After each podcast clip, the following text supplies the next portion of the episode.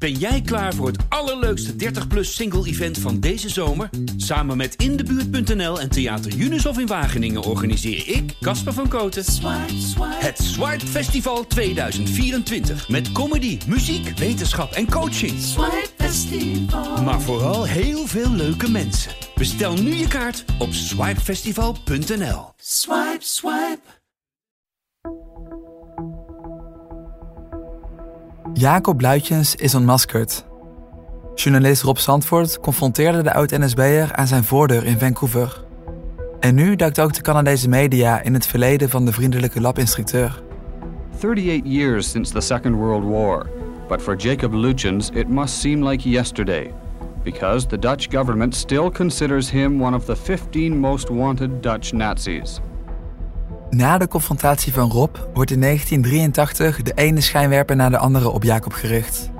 En ik zie de 63-jarige Jacob nu op mijn beeldscherm met een iets wat angstige blik in zijn blauwe ogen.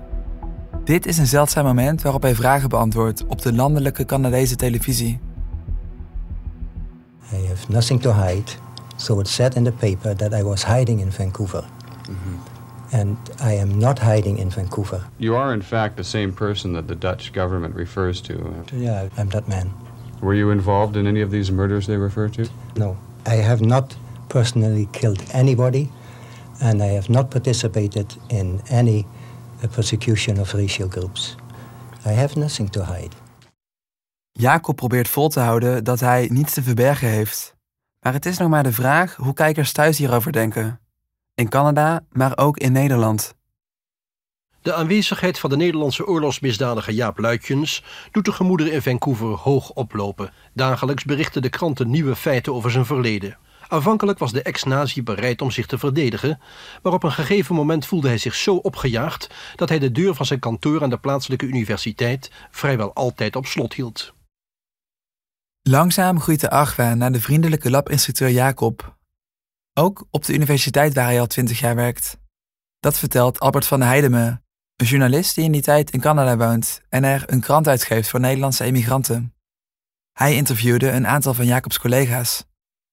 Ze hadden zich afgevraagd waarom Luitjens op een gegeven moment eh, zich terugtrok achter een gesloten deur van zijn, zijn werkkamer.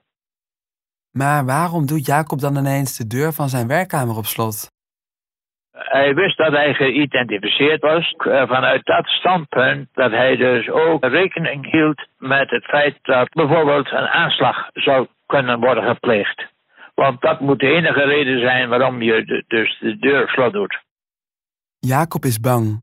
En dat is ook hoe Albert hem treft in die tijd, in de gang voor zijn werkkamer. Albert, zonder camera's of opnameapparatuur, wil een gesprek. En Jacob vraagt hem tot zijn verbazing binnen. En hij wil ook niet hebben dat ik eh, noteerde eh, tijdens het gesprek. Het was dus af en toe een heftig gesprek. Hij, zei dat hij dus met God in het reinen was en met zichzelf. Hij maakte dus zich heel sterk dat hij dus een christenbroeder was die je met rust moet laten. Jacob probeert zich in eerste instantie nog te verdedigen met zijn geloof. Maar wanneer Albert doorvraagt over Jacobs verleden, slaat de sfeer om. Eh, hij heeft dus wel gedreigd. Pas op dat je niet zo voorkomt, want hij kon niet instaan voor wat anderen zouden doen. Hij zou zelf er niet aan meewerken, maar je moet natuurlijk wel rekening houden dat anderen vanwege de publiciteit revanche nemen. Jacob kan niet instaan voor wat Albert kan overkomen, zegt hij. Was dat een serieus dreigement?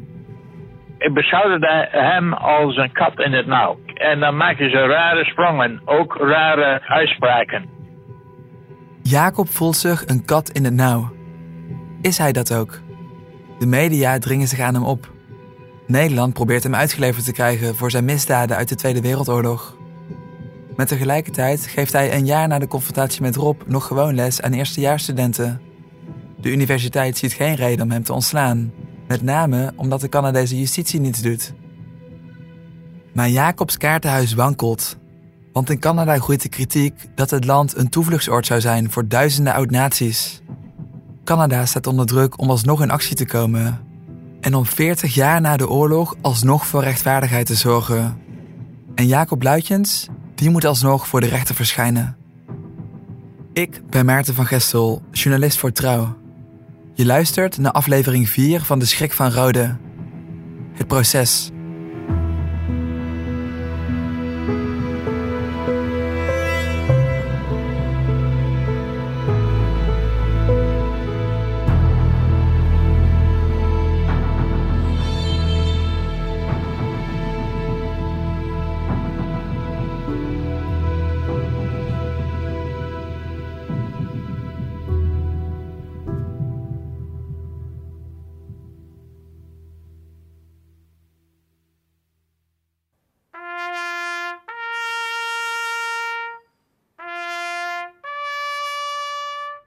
Sinds 1946 is 4 mei de dag waarop Nederland de slachtoffers van de Tweede Wereldoorlog herdenkt. De dag waarop we minuut stil zijn. Voor Jan Postema, de man met de piano die door Jacob naar de Martelvilla was gestuurd, is dit elk jaar een belangrijk moment. Hij denkt die dag terug aan zijn celgenoten die de oorlog niet overleefden. Maar op 4 mei 1988 gebeurt er iets dat hij niet verwacht. Op deze 4 mei komt een politieagent Jans op rit opgereden. Jan is net met pensioen en is wat bladeren aan het ophakken in zijn tuin. Heb ik iets misdaan, denkt hij? Ben u meneer Postema, ja? Ja, mag ik u spreken? Ik kom hier met een verzoek van de Canadese rechtbank om u te vragen of u naar Canada wilt als getuige tegen Jacob Luikjes. Dat was op 4 mei. Hoe is het mogelijk? Het is vijf jaar na de ontmaskering aan Jacobs voordeur door journalist Rob. Hoewel Jacobs reputatie besmeurd is, woont hij nog steeds in Canada. Het is Nederland definitief niet gelukt om hem uitgeleverd te krijgen. Maar nu staat er ineens een agent in Jans voortuin. Jan snapt het niet. Waarom zou uitgerekend hij nu ineens tegen Jacob moeten getuigen? Ik zeg, daar begrijp je niks van. Om te beginnen is 50 jaar geleden. Maar wat heb ik te vertellen? Want die jongen heeft alleen aan mij gevraagd: je persoonsbewijs. Die ben ik kwijt. Dat weten wij genoeg. Neem maar media en posten maar. Meer heeft hij niet gedaan. Maar de agent zegt dat ze hem juist om die reden als getuige willen in deze nieuwe zaak. Maar dat is nou juist wat zij willen accentueren: dat hij ook het heeft aangedurfd om een dorpsgenoot scholier, die niks anders gedaan had dan te weigeren putjes te graven, overleefde aan een instantie waarvan hij kon weten dat hij er niet levend doorkwam. Jan weet het zo goed nog niet. Moet hij helemaal naar Canada voor een rechtszaak over iets van zo lang geleden? Jan zegt tegen de agent dat hij erover na zal denken. Maar in de dagen erna spreekt hij leeftijdsgenoten. Jan wordt opnieuw geconfronteerd met de verhalen over alle bekenden die de oorlog niet hadden overleefd. Jan maakt een keuze en belt de agent. Toen heb ik gezegd: Ik ben verplicht aan degene die ik gekend heb tot in de cel toe en die het leven hebben gelaten, om tegen Jaap Luikjes te getuigen. Vijf jaar na Jacobs ontmaskering bereidt Canada achter de schermen een rechtszaak tegen de oud-NSB'er voor. Want de agent gaat niet alleen langs bij Jan. Hij bezoekt tientallen potentiële getuigen in Nederland. En Canada stuurt ook mensen kriskras door hun eigen land en zelfs naar Paraguay. De Canadese justitie zet ineens alles op alles om Jacob Luitjes aan te pakken. Maar waarom nu? En waarom hij? At concentration camps in Europe, 11 million people, 6 million of them Jews, had been systematically murdered. But as prisoners of war were rounded up, not all of those responsible were captured or forced to confront their past. Hundreds of others escaped, many to Western countries. Laten we even de situatie in Canada schetsen. Als ik je vraag te denken aan veilige toevluchtsoorden voor naties, dan denk je misschien aan Paraguay of Brazilië. Maar in de jaren na de ontdekking van Jacob Luitjes in Canada neemt ook de kritiek op dat land toe. Er zouden duizenden gevluchte oorlogsmisdadigers in Canada wonen. Het land krijgt zelfs de bijnaam Paraguay Noord. En de Canadese overheid, die doet al decennia lang niets. Maar daar komt verandering in. Want net zoals in Nederland ontstaat begin jaren 80 ook in Canada een nieuwe focus op de verschrikkingen van de Holocaust. Het besef groeit dat sommige van de daders al jaren een zorgeloos leven leiden in Canada, terwijl ze nooit zijn gestraft. Justitieman Robert Kaplan heropent de geschiedenisboeken en zorgt ervoor dat het land alsnog achter de gevluchte naties aangaat. People who have committed the most serious crimes in the history of Europe should certainly not escape punishment. But more than that, I think there's an important historical message that uh, crimes like this will be punished and that the morality of Western civilization requires that.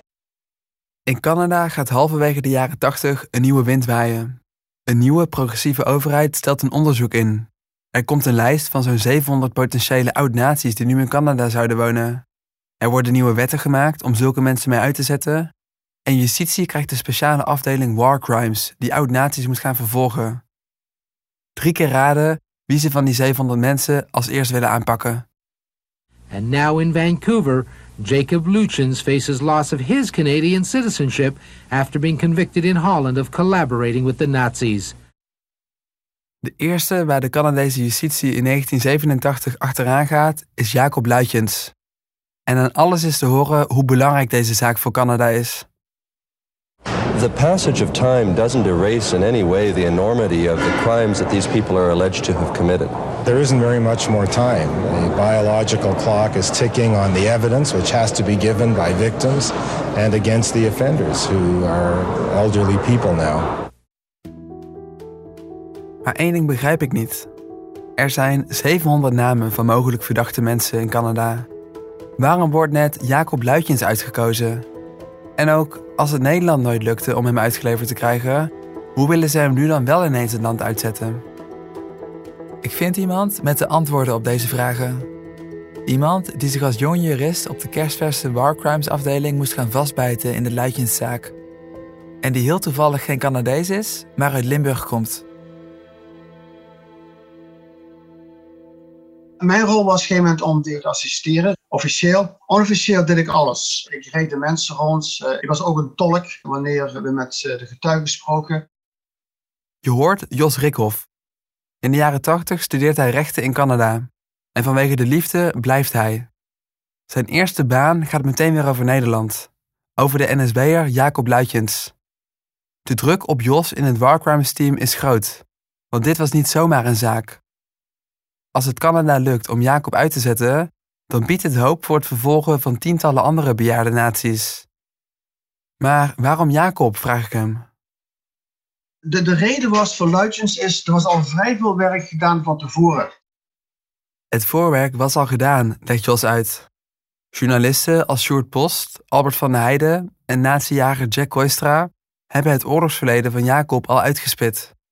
En daarmee onbedoeld potentiële getuigen klaargezet toen die afdeling begon, was er nog een beetje druk om snel de dingen te gaan doen. Misschien toen die zaak al vrij goed bekend was, misschien ze wel beginnen met deze zaak.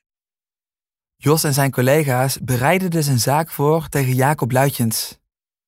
Maar wat is nou precies de insteek van die zaak?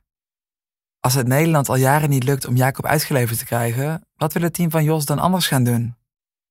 Je kunt niet staatsburgers uitwijzen naar een ander land. Wat we deden is, hij had staatsburgerschap gekregen en de bedoeling was om hem uh, zijn staatsburgerschap af te nemen en dan naar Nederland uh, uit te wijzen. De Canadese justitie wil Jacob op een compleet nieuwe manier gaan berechten. Niet in een strafzaak waar alles wat hij in de oorlog had gedaan weer moet worden bewezen, maar in een civiele zaak, met als doel het staatsburgerschap van Jacob af te nemen, zodat hij daarna het land kan worden uitgeschopt. En wat staatsburgerschap af te nemen, moet je aantonen dat die persoon gelogen had over zijn achtergrond toen hij naar Canada kwam. Het doel van Jos en zijn collega's is helder. Aantonen dat Jacob loog over zijn verleden toen hij Canada binnenkwam, zodat ze hem nu zijn staatsburgerschap kunnen afnemen. De Verenigde Staten doet dit al langer. Het is voor dat land dé manier om oorlogsmisdadigers uit te zetten. Maar Jos moet dus wel kunnen aantonen dat Jacob 25 jaar geleden loog. Over welke leugens gaat het dan? Zijn leugens hadden te maken met zijn uh, convictie uh, en met zijn, waar hij gewoond had, wat hij gedaan had en wat hij ook had gedaan had voor de landwacht. Dus een aantal leugens die ja. hij probeerde uh, op te voeren. Het belangrijkste is om te bewijzen dat Jacob op zijn immigratieformulier loog op de volgende vraag. Bent u ooit veroordeeld voor een misdaad? Maar volgens Jos is dit nog niet zo makkelijk. Want hoe bewijs je bijvoorbeeld dat Jacob wist van zijn veroordeling terwijl hij zelf in Paraguay zat? Als eerste zaak wordt dit een lastige klus voor Jos en zijn teamleden. Het was niet duidelijk hoeveel getuigen je nodig had. Hoeveel experts had je nodig? Wat moest je gebruiken uh, voor bewijs dat hij gelogen had? Wat, wat bewijs uh, dat hij gegeven mens misdrijven had uh, gepleegd? Dat was, dat was allemaal nieuw en het was zeker een testcase. Op een najaarsdag in 1988 wachten hun acht oude Drentenaren in de vertrekhal van Schiphol.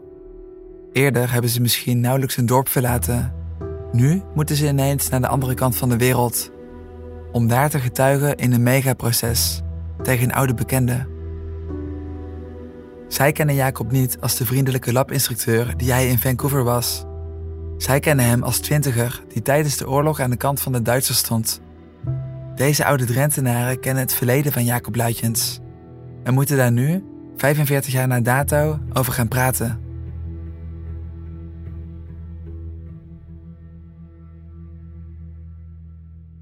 Bij het vliegveld in Vancouver haalt Jos Rikhoff het groepje oude getuigen op. En de indruk die ze maken is niet bepaald ontspannen. Ze waren allemaal erg nerveus. Ik geloof één getuige die moest inderdaad ook uh, een dokter zien van tevoren. Dat was zo, was zo nerveus. Maar waarom zijn ze dan zo nerveus? Het is toch gewoon een kwestie van vertellen wat er in de oorlog is gebeurd? Maar Jos legt uit dat het niet zo simpel is. Zo'n rechtszaak is namelijk anders dan in Nederland. Denk aan een Amerikaanse film met een zaal vol publiek en pers, een rechter die hoog in een stoel zit en de advocaat van Jacob die in een kruisvorm probeert om al je herinneringen aan het wankelen te brengen. Luister, ik ben een getuige geweest voor een zaak. Ik was nerveus. En er is nog een reden waarom het voor de getuigen zo moeilijk is om hier te zijn, zegt rechtercommissaris Annelies Duursma. Zij verbleef samen met ze in het hotel in Vancouver. Die mensen waren natuurlijk allemaal al tussen de 70 en de 80. En er waren er ook wat bij die nooit hun verhaal verteld hadden. Het was een zeer emotionele reis. De oude wonden gaan open, ziet Annelies, wanneer iedereen s'avonds aan tafel zit. De gesprekken daar lopen meestal op één onderwerp uit: de Tweede Wereldoorlog. Het onderwerp waarover de getuigen in de jaren daarvoor zo lang gezwegen hebben. Kijk, ik weet natuurlijk ook wel het een en ander van de oorlog. Maar als je dan van deze mensen de verhalen hoort van mevrouw die dan drie jaar ondergedoken gezeten. En die zegt ook, eigenlijk heb ik niet te klagen, want ik heb het gered. Haar man dus niet. Maar dan komt het heel dichtbij als iemand gewoon zijn hele persoonlijke verhaal vertelt. En dan zoveel jaar na de oorlog daar nog helemaal nou, van in tranen raakt, helemaal emotioneel. Dat maakt indruk. Maar de spanning en emotie van de getuigen kan funest zijn in de zaak tegen Jacob, legt Jos uit. Want wat als er per ongeluk iets verkeerds uitflappen? Jos probeert ze toch klaar te stomen. En wat we deden, we hadden een, hele dag gebruikt om de getuigen, lieten we zien wat er zou gebeuren. Eén, iemand van ons uh, was de rechter, één was de Luitjens. Iedere getuige wordt een beetje voorbereid. Niet om te zeggen wat de antwoorden zullen zijn, maar met name deze vergelijkingen verwachten in kruisverhoor. Daar moet je voorbereid voor zijn. Jos heeft alles gedaan wat hij kan om zich voor te bereiden. Het proces kan gaan beginnen. Vanuit Nederland zijn de ogen op Canada gericht. Journalist Sjoerd Post, die eerder aanzet gaf tot ontmaskering van Jacob, stapt nu voor het eerst zelf op het vliegtuig. Ik, ik had die man nog nooit, nooit gezien. Dus ik was heel benieuwd wat voor man ik daar zou aantreffen. Litchin's case is now before the federal court in this downtown Vancouver office tower. For the first time ever, the government is asking the federal court to strip Litchins of his citizenship. Eindelijk is het zover. De grote rechtszaak tegen Jacob Luitjens gaat van start. Op televisiebeelden is een imposant glazen kantoorgebouw te zien, waarbinnen de federal court huist. Achter deze ramen zal Jacob met zijn verleden geconfronteerd worden. Hier moeten de oude Drentse getuigen vertellen hoe zij zich de oorlog herinneren. En hier wordt de gepensioneerde Jacob straks het vuur aan de schenen gelegd. Lang niet alle Canadezen houden zich bezig met de zaak tegen Jacob Luitjens. Maar één groep heeft hun ogen er wel op gericht. Oude Nederlanders die in het land wonen. Dat vertelt Albert van der Heijden me, de journalist die Jacob eerder interviewde. Ik heb dus uh, vrijwel alle immigranten die uit uh, Roden vandaan kwamen en, en de omgeving, dat heb ik dus uh, geïnterviewd. Albert legt uit dat na de oorlog veel Nederlanders naar Canada emigreerden. En dat in Vancouver veel Drentenaren neerstreken. Aan de oostkant van Vancouver had je dus een hele de gemeenschap uit Roden. Die was nogal erg ontsteld, om het maar uh, voorzichtig te, uit te duiden. Veel oude Nederlanders in Canada willen Jacob nu eindelijk gestraft zien, het land uitgeschopt. Vooral de mensen die bij het verzet gezeten hadden. De 71-jarige Ate de Wit woont in Vancouver. Hij was leider van de knokploeg in Rode en een van de twee uit zijn groep die de oorlog overleefde. Hij was uh, volgens mij uh, zo fanatiek hemzelf dat hij uh, hij durfde er zelf al op los te branden. Ik kan er niet aan ontkomen dat zo'n man vrijuit kan gaan. En er zijn meer Nederlanders die willen dat Jacob nu eindelijk gestraft wordt. Zoals deze twee oud-verzetsmensen. Ik hoop dat ze hem zo gauw mogelijk terugsturen. Ik heb geen medelijden met ze. Zij hadden ook geen medelijden met ons in die oorlogsjaren. Ik had zo'n slapeloze nachten over dit. Over luidjes? Over luidjes niet alleen, maar over het, in het algemeen. Want uh, recht moet gedaan worden. In zover daar hebben we voor gevochten. Weg met die mensen. We kunnen nou toch niet zeggen... oh jongen, wat ben jij een beste jongen, jij, wat heb jij best gedaan... als die andere mensen dwars zit. Op een vreselijke manier. De Canadese televisie interviewt zelfs één Nederlandse man... die elke zitting in het luidjesproces wil bijwonen. I got an opportunity uh, to do this. I still alive. From all my friends. And he never came back. He was executed of bij die Dachau. Of de concentration camp. En dat is de reden dat hem hier, dat ik kan uh, represent.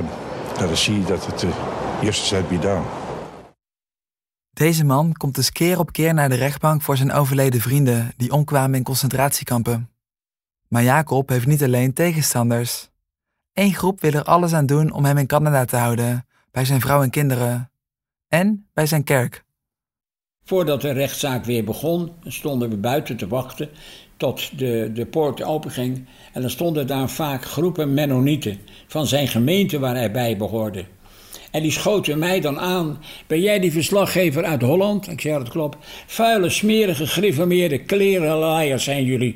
Dat je die mensen nooit met rust laat. Die man heeft voor Godse schuld beleden en daar moet je van afblijven. En het is een keurige man. Hij heeft dat nooit gedaan. Ik zeg maar, u heeft toch die getuigenis gehoord. Allemaal leugens, allemaal gereformeerde leugens. Daar kwam het steeds op neer. Dus dat was ook duidelijk hoe die sfeer daar, daar was. De geloofsbroeders van Jacob vinden dat dit hele proces op leugens en complotten berust.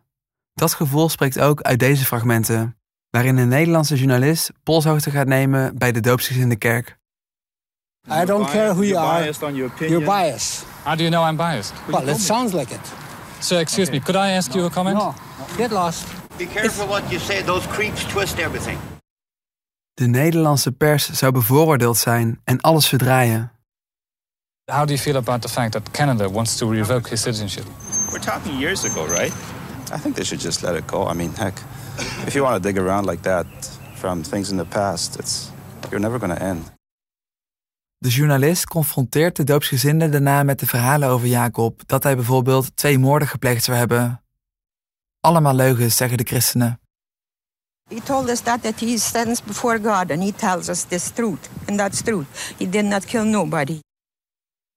Jacob heeft nooit iemand gedood, zeggen ze. Dat heeft hij immers tegen hen verteld. En ook tegen God. Für Jesus wurde auch durch falsche Zeugen verurteilt. Und ich glaube, dasselbe ist mit Jakob Leutzens geschehen. Jezus is ook op basis van valse beschuldigingen veroordeeld. En datzelfde zou nu met Jacob gebeuren, verdedigt deze man hem. Und ihr unterstützt das und habt hier eine Hasskampagne gegen, gegen diesen Menschen. Er zou sprake zijn van een haatcampagne tegen Jacob. Der ein wahrer Christ ist, der mein Bruder ist, der mit seinem ganzen Leben hier in Kanada bewiesen hat, dass er ein ehrlicher, ein arbeitsamer, ein guter Mensch ist. Deze mensen zijn duidelijk over Jacob. Het is een goede, eerlijke man. En vooral ook een goede christenbroeder.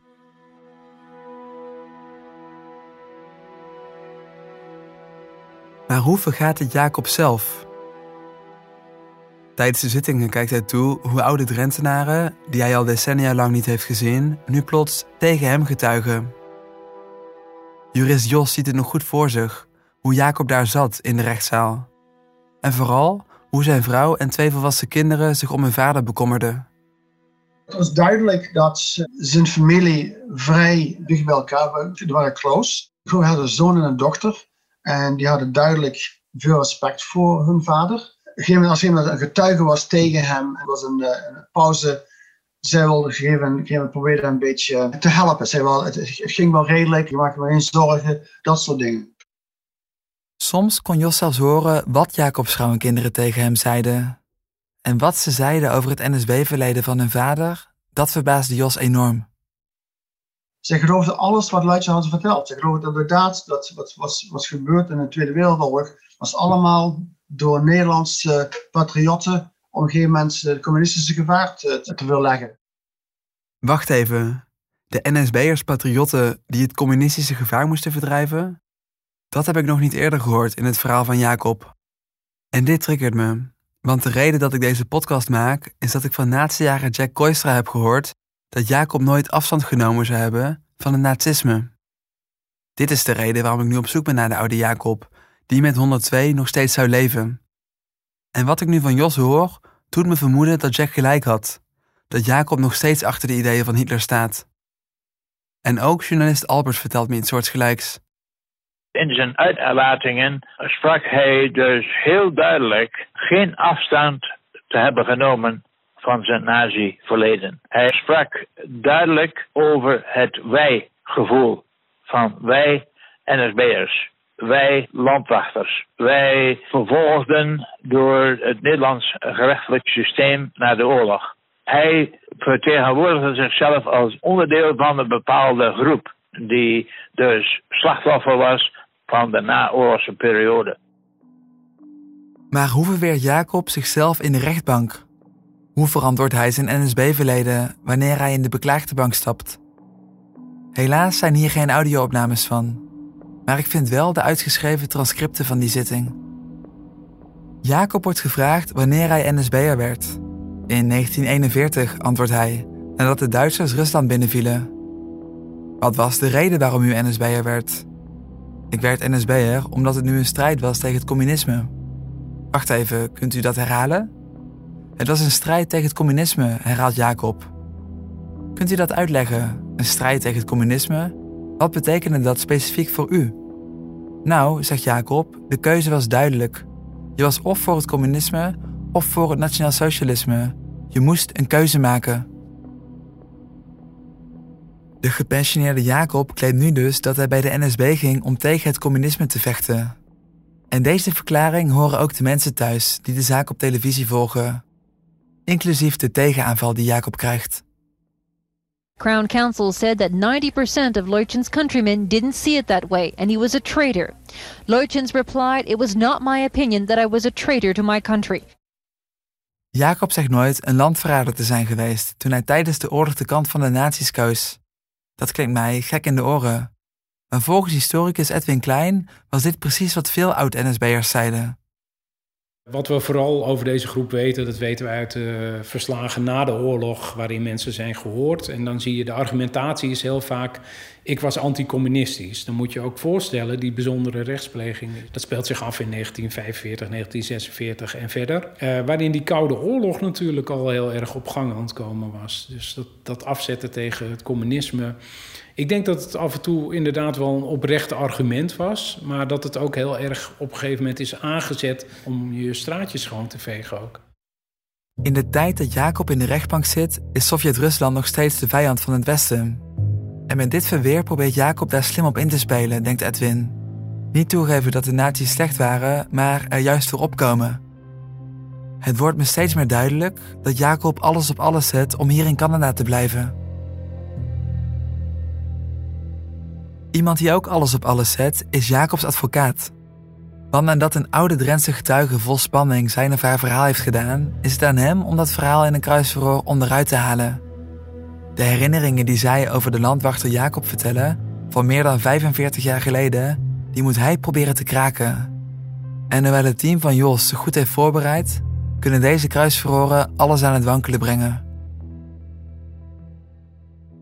Ik had het eerder over het feit dat uh, Luitjens was betrokken met uh, mensen naar de reguliere landwachtkantoor of huis te brengen.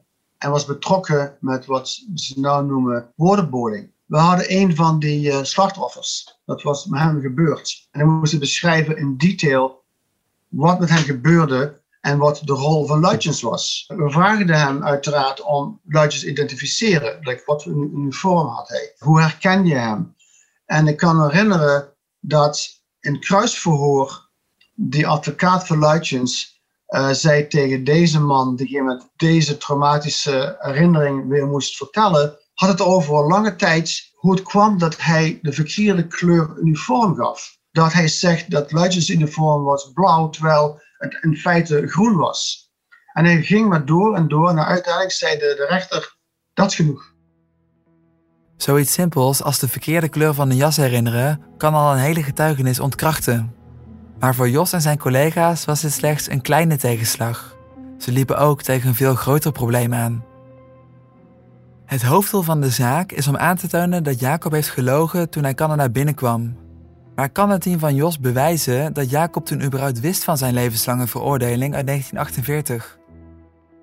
Luitjens is na de oorlog bij verstek veroordeeld. Hij was er dus zelf niet bij. En de vraag was of hij wetenschap had van het vonnis toen hij Canada binnenkwam. Daar ging het eigenlijk om. En de vraag was ook of hij nog contact had gehad met zijn familie en of hij op die manier dat had kunnen weten.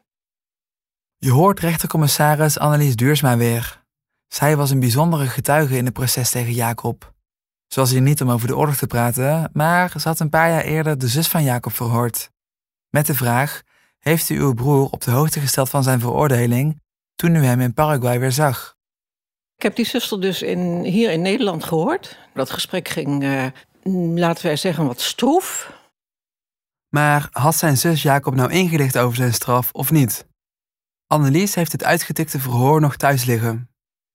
Ik lees op het vel papier hoe de zus van Jacob beschrijft dat ze kort na de oorlog las over de veroordeling van haar broer in de krant.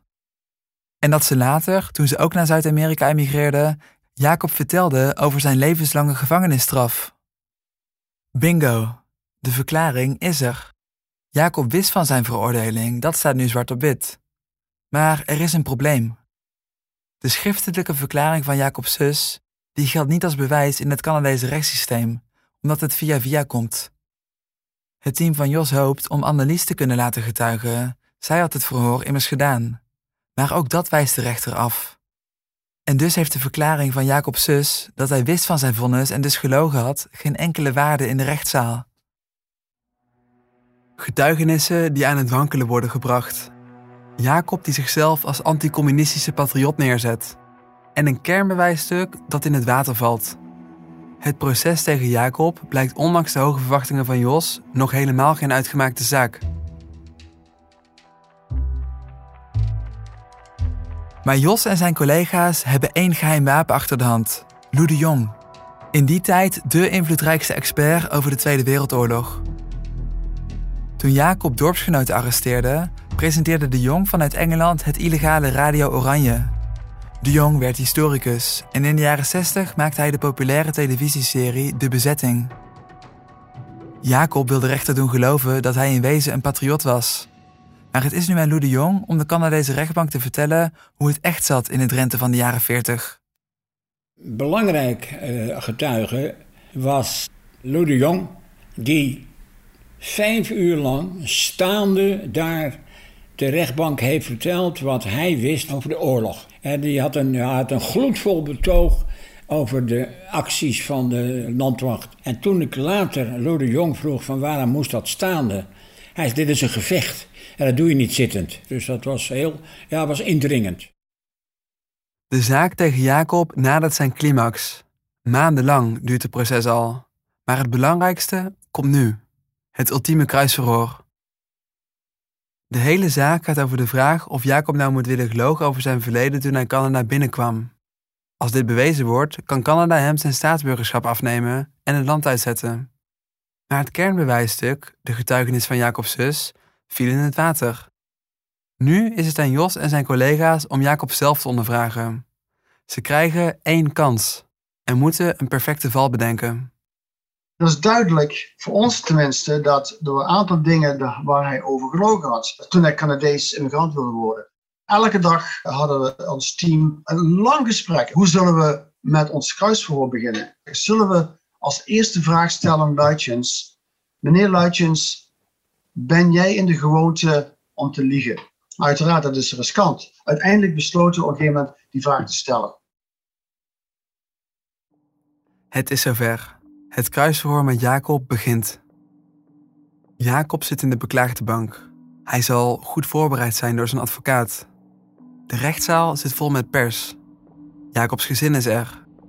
En dan stelt de collega van Jos hem de hamvraag. Bent u in de gewoonte te liegen wanneer dat voor u goed uitkomt? Nee, dat ben ik niet, antwoordt Jacob. De val van het team van Jos is geplaatst. En Jacob lijkt er met ogen open in te lopen. Uiteraard, hij zei, nee, ik lieg over het algemeen niet. Dan hadden we gelijk vijf, zes voorbeelden dat we een gegeven bewijs hadden dat hij iets zei op formulier dat dan bleek van getuigen, dat was niet juist of niet waar. Terwijl Jacob in de beklaagde bank probeert vol te houden dat hij altijd een eerlijk man is geweest, komt het team van Jos met leugen na leugen. Over zijn daden in de oorlog, over zijn vlucht naar Paraguay en zijn schuilnaam. Dus na vijf minuten was al bewezen dat hij regelmatig liegde. Hij was al zeker in de ogen van de rechter al gezien als, als een leugenaar. In andere woorden, dat betekende dat de voornaamste reden waarop een staatsburgerschap kon worden afgenomen, was in feite al bewezen. Jacob en zijn advocaat probeerden een mooi verhaal neer te zetten. Dat hij in wezen een patriot was en een eervol Canadees burger. Maar wat als iemand je vraagt of je wel eens liegt als dat in je voordeel is? Je antwoordt met nee en vervolgens wordt met harde bewijzen leugen na leugen aangetoond. Wat kan je daarop nog reageren? En maakt het überhaupt uit wat je dan nog zegt? Hij was zeker een slimme man. Dus hij wist al, denk ik, dat de voornaamste reden voor die rechtszaak had hij al verloren. En de rest was in feite icing on the cake.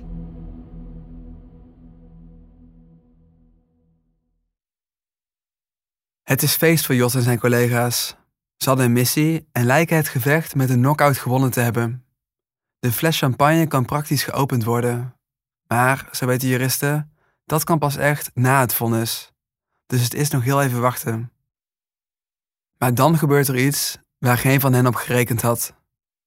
Jos wacht geduldig op de uitspraak van de rechter. Maar die komt maar niet. Eerst weken niet, dan maanden niet. En terwijl Jos en zijn collega's wachten, verdwijnen de bubbels uit de spreekwoordelijke champagne. Langzaam slaat de twijfel toe. Toen we klaar waren, waren we echt optimistisch. We dachten wel, die zaak uh, is in de bij. Alles ging uitstekend, ging precies zoals we gehoopt hadden. Luidjes viel in de trap die we, zetten. Het is gemaakt. En, en, en dan gingen we denken, wel, misschien een paar maanden krijgen we een uitspraak. En het duurde langer en het duurde langer. Na maanden wachten is er nog geen uitspraak. En na een jaar nog steeds niet. Waarom duurt het zo lang? Wat is er mis? Ook journalist Albert van der Heijden krijgt steeds meer bezorgde brieven van Nederlandse emigranten, vertelt hij in die tijd op televisie.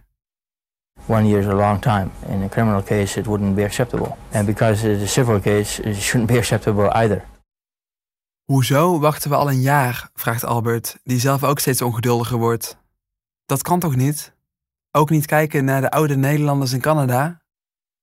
Even today, there are people which are very, very afraid of him. Uh, just mention the name and they lose a night's sleep. No one should have to wait that long for a decision. Na een jaar is er nog geen vonnis. En na twee jaar ook niet. Albert is ongeduldig, net als zijn Nederlandse lezers. Jos is onzeker. Hij werkt verder aan andere zaken, maar de luidjeszaak blijft aan hem knagen. Wat kan er mis zijn gegaan? Maar voor wie deze tijd waarschijnlijk nog wel het meest onrustig is, is voor Jacob zelf, inmiddels al begin 70.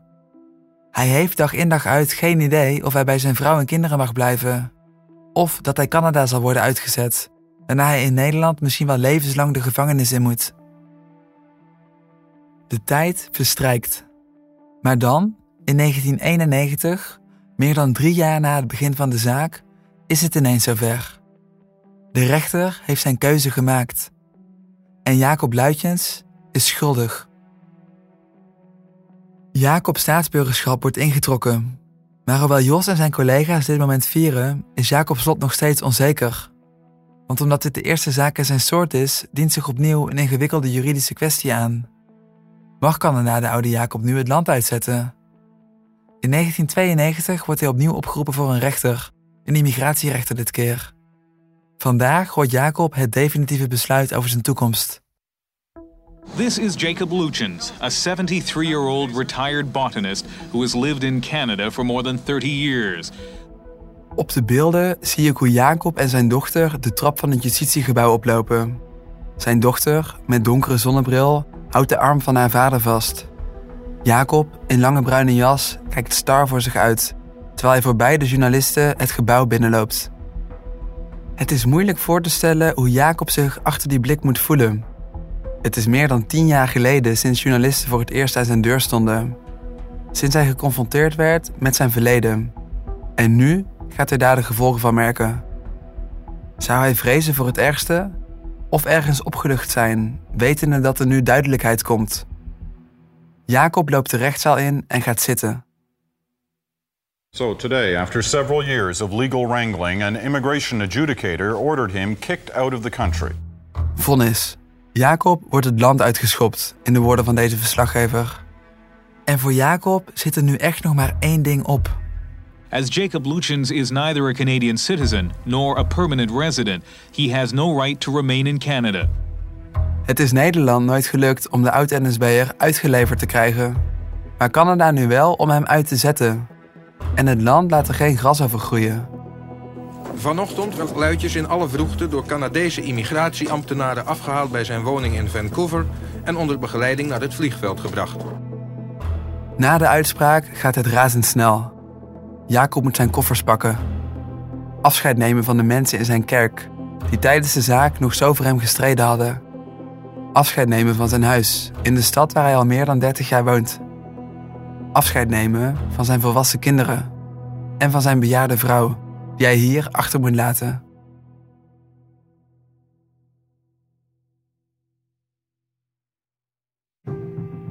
In Nederland wacht een kille gevangeniscel op de 73-jarige Jacob Luitjens. Houdt hij zich daar staande? En als we nu, 30 jaar later, opnieuw alle feiten onder de loep leggen, is Jacob dan eigenlijk wel de grote schurk waarvan we nu denken dat hij dat is? Dat hoor je in aflevering 5 van De Schrik van Rode. De bezinning.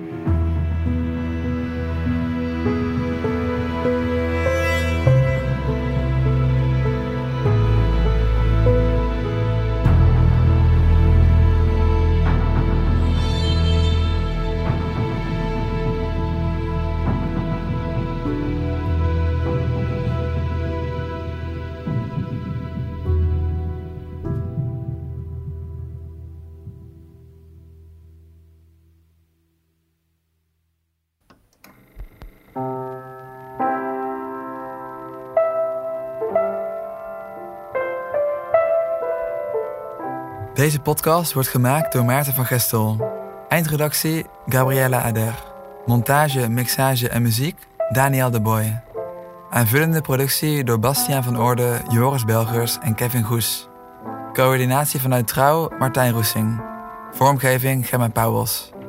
De podcast wordt mede mogelijk gemaakt door de Stichting ter Bevordering van de Christelijke Pers in Nederland en het Fonds Bijzondere Journalistieke Projecten.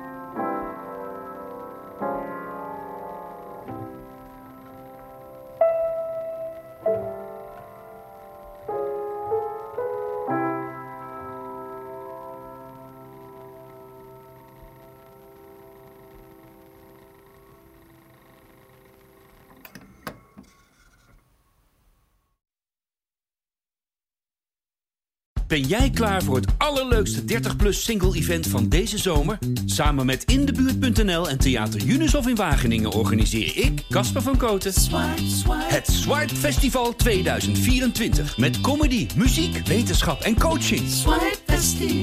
Maar vooral heel veel leuke mensen. Bestel nu je kaart op swipefestival.nl. Swipe, swipe.